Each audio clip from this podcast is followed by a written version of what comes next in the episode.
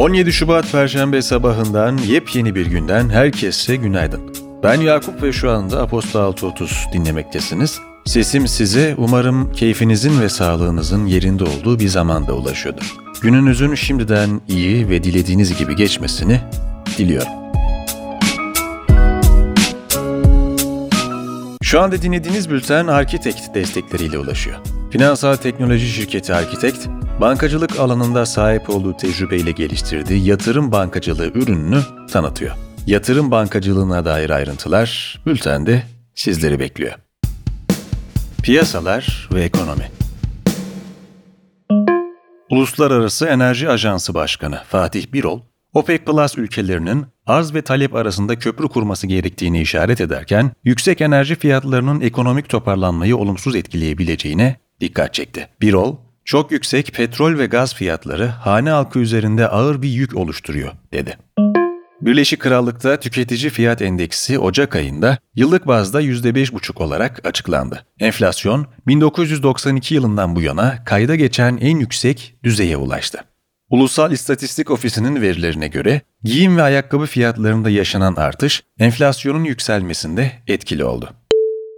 Maliye Bakanı Rishi Sunak, hükümetin hanelere destek olmak için adımlar attığını belirtirken, son zamanlarda yükselen enerji faturalarına yardımcı olmak amacıyla milyonlarca haneye 350 sterline kadar yardım sağlamak için adım attık diye konuştu. Kanada'da tüketici fiyat endeksi Ocak ayında yıllık bazda %5,1 oranında artış gösterdi. Kanada'da enflasyon Eylül 1991'den bu yana en yüksek seviyeyi test etti. Konut maliyetleri de 1990'dan beri en hızlı yükselişini gerçekleştirdi. İş Dünyası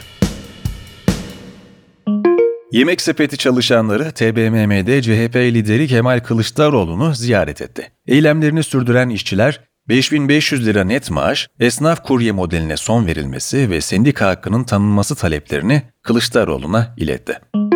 Telekomünikasyon şirketi Ericsson'ın CEO'su Bori Ielkom, Irak'ta belirli ulaşım yollarına erişim sağlamak için IŞİD'e ödeme yapmış olabileceklerini söyledi. 2018'e ait olağan dışı harcamalar sapladıklarını ancak paranın son alıcısının kim olduğunu tespit edemediklerini belirten İECOM, görünen IŞİD'de dahil olmak üzere terör örgütlerinin kontrol ettiği bölgelerden ulaşım yollarının satın alındığı dedi.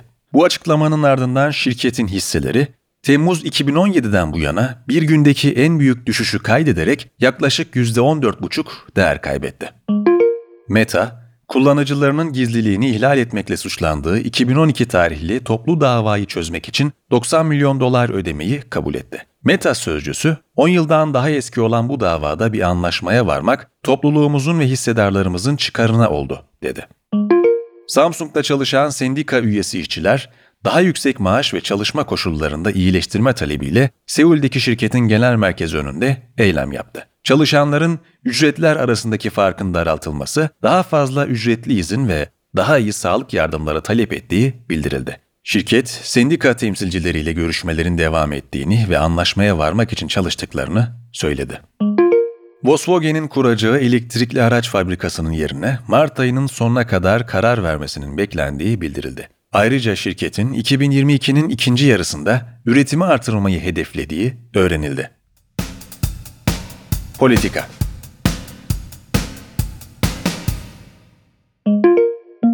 Cumhurbaşkanı Erdoğan, kabine toplantısının ardından yaptığı açıklamada, elektrik desteğinde halen 2,1 milyon hane olan kapsamı 4 milyon haneye çıkartıyoruz diye konuştu. Erdoğan kriterlere uyan hanelere de yılda iki kez ödemek üzere 450 ile 1150 lira arasında doğal gaz desteği sağlanacağını söyledi. HDP eş genel başkanı Mithat Sancar, Altı Muhalefet Partisi liderinin bir araya gelmesine ilişkin HDP ile görüşüyoruz, HDP'yi meşru görüyoruz demek yetmez. Esas olan HDP ile eşitler arası bir zeminde tereddütsüz, çekincesiz, doğrudan ve açık bir müzakere yürütmeyi kabul etmektir, diye konuştu.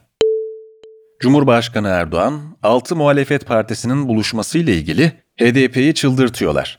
Oldu olacak, onu da alın yanınıza. Bunlar daha çok bir araya gelirler ama bir şey çıkmaz yorumunu yaptı. Radyo Televizyon Üst Kurulu, oy çokluğuyla Halk TV'ye gazeteci Ayşenur Arslan'ın Türk Mukavemet Teşkilatı'na ilişkin sözleri nedeniyle %5 idari para cezası ve 5 kez program durdurma cezası verdi. KRT TV, Flash TV ve TGRT Haber'de idari para cezalarına çarptırıldı. Gazeteci Hülya Kılınç denetimli serbestlikle cezaevinden tahliye edildi. Kılınç, önceki gün tutuklanıp akşam saatlerinde serbest bırakılan gazeteciler Murat Ağırel ve Barış Pehlivan'ın da Milli İstihbarat Teşkilatı mensuplarının ve ailelerinin kimlik, görev ve faaliyetlerine ilişkin bilgileri yayımlamak, yaymak ve açıklamak suçlamasıyla yargılandığı davada hapis cezası almıştı. Tutuklu eski HDP eş genel başkan yardımcısı Aysel Tuğluk'un avukatları, Adli Tıp Kurumu'nun Tuğluk'la ilgili verdiği ceza sorumluluğu tam raporunun bilimsellikten uzak ve yanlı olduğunu öne sürdü. Avukatlar, demans teşhisi konulan ve tahliyesi istenen Tuğluk hakkındaki raporu hazırlayan hekimlerle ilgili hukuki süreç başlattıklarını açıkladı. Rusya, Ukrayna sınırındaki tatbikatta görevini tamamlayan askeri birliklerin üstlerine döndüğü anların görüntülerini paylaştı. NATO, hiçbir işaret vermeden işgale başlayabilecek Rusya'nın sınıra asker yığmaya devam ettiği açıklamasını yaptı. ABD Dışişleri Bakanı Antony Blinken da Rusya'nın sınırdan askerleri çekmediğini, aksine kritik unsurları sınıra hareket ettirdiğini söyledi. Ukrayna Devlet Başkanı Volodymyr Zelenski'nin 16 Şubat'ı Birlik Günü ilan etmesinin ardından dün ülkenin birçok kentinde halk kutlama yaptı. Açıklama yapan Zelenski, kimse ülkemizi bizim kadar sevemez ve sadece biz ülkemizi koruyabiliriz dedi. Ukrayna hükümeti Savunma Bakanlığı'nın ülke tarihinin en büyük siber saldırısına uğradığını açıkladı. Rusya, saldırıya dahil olduğu iddialarını reddetti. Avrupa Adalet Divanı, Polonya ve Macaristan'ın itirazını reddederek Avrupa Birliği'nin demokrasi ihlalleri gerekçesiyle üye ülkelere finansman kesintisi yapmasına onay verdi. Virginia Gifford ve Birleşik Krallık Kraliçesi 2. Elizabeth'in oğlu Prince Andrew, ABD'de görülen cinsel saldırı davasında uzlaşma yoluna gitti. İkilinin avukatları prensipte anlaşmaya varıldığını ve anlaşma kapsamında Prince Andrew'un Gifford'ın hayır kurumuna bağış yapacağını belirtti. Kanada'da kamyon şoförlerinin pandemi önlemlerine yönelik sürdürdüğü eylemlere son verildiği ve kapalı tutulan tüm sınır kapılarının ulaşıma açıldığı duyuruldu. Honduras'ın eski devlet başkanı Juan Orlando Hernandez, ABD'nin iadesini talep etmesinin ardından uyuşturucu kaçakçılığı suçlamasıyla tutuklandı. Teknoloji ve Startup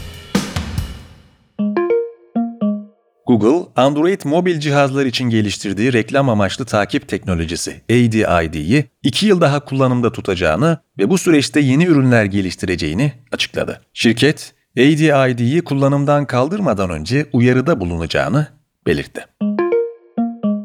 Nintendo, Wii U ve 3DS uygulama mağazası eShop'u Mart 2023'e kadar kademeli olarak kapatacağını açıkladı. Şirket, 23 Mayıs'tan sonra platforma direkt para yüklenmesini, 29 Ağustos'tan sonra da Nintendo eShop kartları kullanarak hesaba para aktarılmasına durduracağını bildirdi.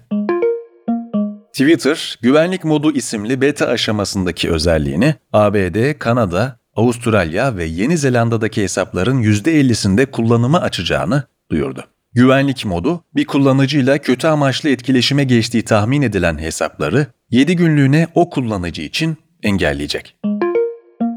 BBC'nin haberinde Telegram'da kadınlara fotoğrafları üzerinden şantaj yapıldığı iddia edildi. Ocak 2021'de WhatsApp'ın gizlilik kurallarında değişikliğe gitmesinden sonra popülaritesi artan mesajlaşma platformu iddialarla ilgili açıklama yapmadı. Spor Türkiye milli sporcularının Pekin 2022 kış olimpiyat oyunlarındaki yarışmaları sona erdi. Türkiye Kayak Federasyonu Başkanı Ali Oto, burada mücadele eden tüm sporcularımızı yürekten kutluyorum. Biz Pekin'i geride bıraktık. Şimdi daha fazla çalışıp uluslararası alanda başarılı olmak istiyoruz, dedi.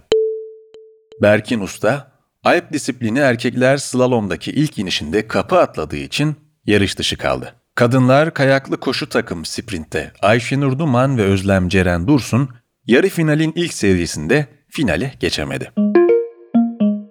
Pekin Kış Olimpiyatlarında Alp disiplini erkekler slalomda Klimon Noel 1 dakika 44.09 saniyelik derecesiyle altın madalya kazandı. Noel, 2002'den bu yana slalom altın madalyası kazanan ilk Fransa vatandaşı oldu. Pekin kış olimpiyatlarında kayaklı koşu branşında mücadele eden Valentina Kaminska'nın doping testinde yasaklı anabolik steroidle iki maddeye daha rastlanması nedeniyle olimpiyatlardan geçici olarak men edildiği açıklandı. Günün hikayesi Janset Atacan'dan geliyor. Başlık, bir istihdam meselesi. Bu ülkede hayat zor. Türkiye Devrimci İşçi Sendikaları Konfederasyonu Araştırma Merkezi'nin 2021 yılına ait 4. çeyrek raporu yayımlandı. Diskar'ın raporunda ülkede çalışma çağındaki 64 milyon kişinin 20 milyonunun kayıtlı ve tam zamanlı istihdamda olduğu bildirildi. Diskar'ın hesapladığı kayıtlı ve tam zamanlı çalışanların oranını temsil eden KATİ %31,9 olarak gerçekleşti. Dördüncü çeyrekte geniş tanımlı işsiz sayısının 8 milyonu aştığını belirten Diskar, her 100 kadından 17'sinin kayıtlı ve tam zamanlı istihdamda göründüğünü aktardı. Diskar, COVID-19'un iş gücü piyasalarına yönelik olumsuz etkisinin genç nüfusu daha fazla etkilediğini bildirdi. Raporda TÜİK genç işsizliğini 2021 4. çeyreğinde %21 olarak açıkladı. Ancak TÜİK verileri genelde olduğu gibi gençlerde de gerçek durumu yansıtmaktan uzak ifadelerine yer verildi. Haberin diğer detayları ve daha fazlası için bülteni ziyaret etmeyi, Günün Hikayesi kanalına göz atmayı unutmayınız.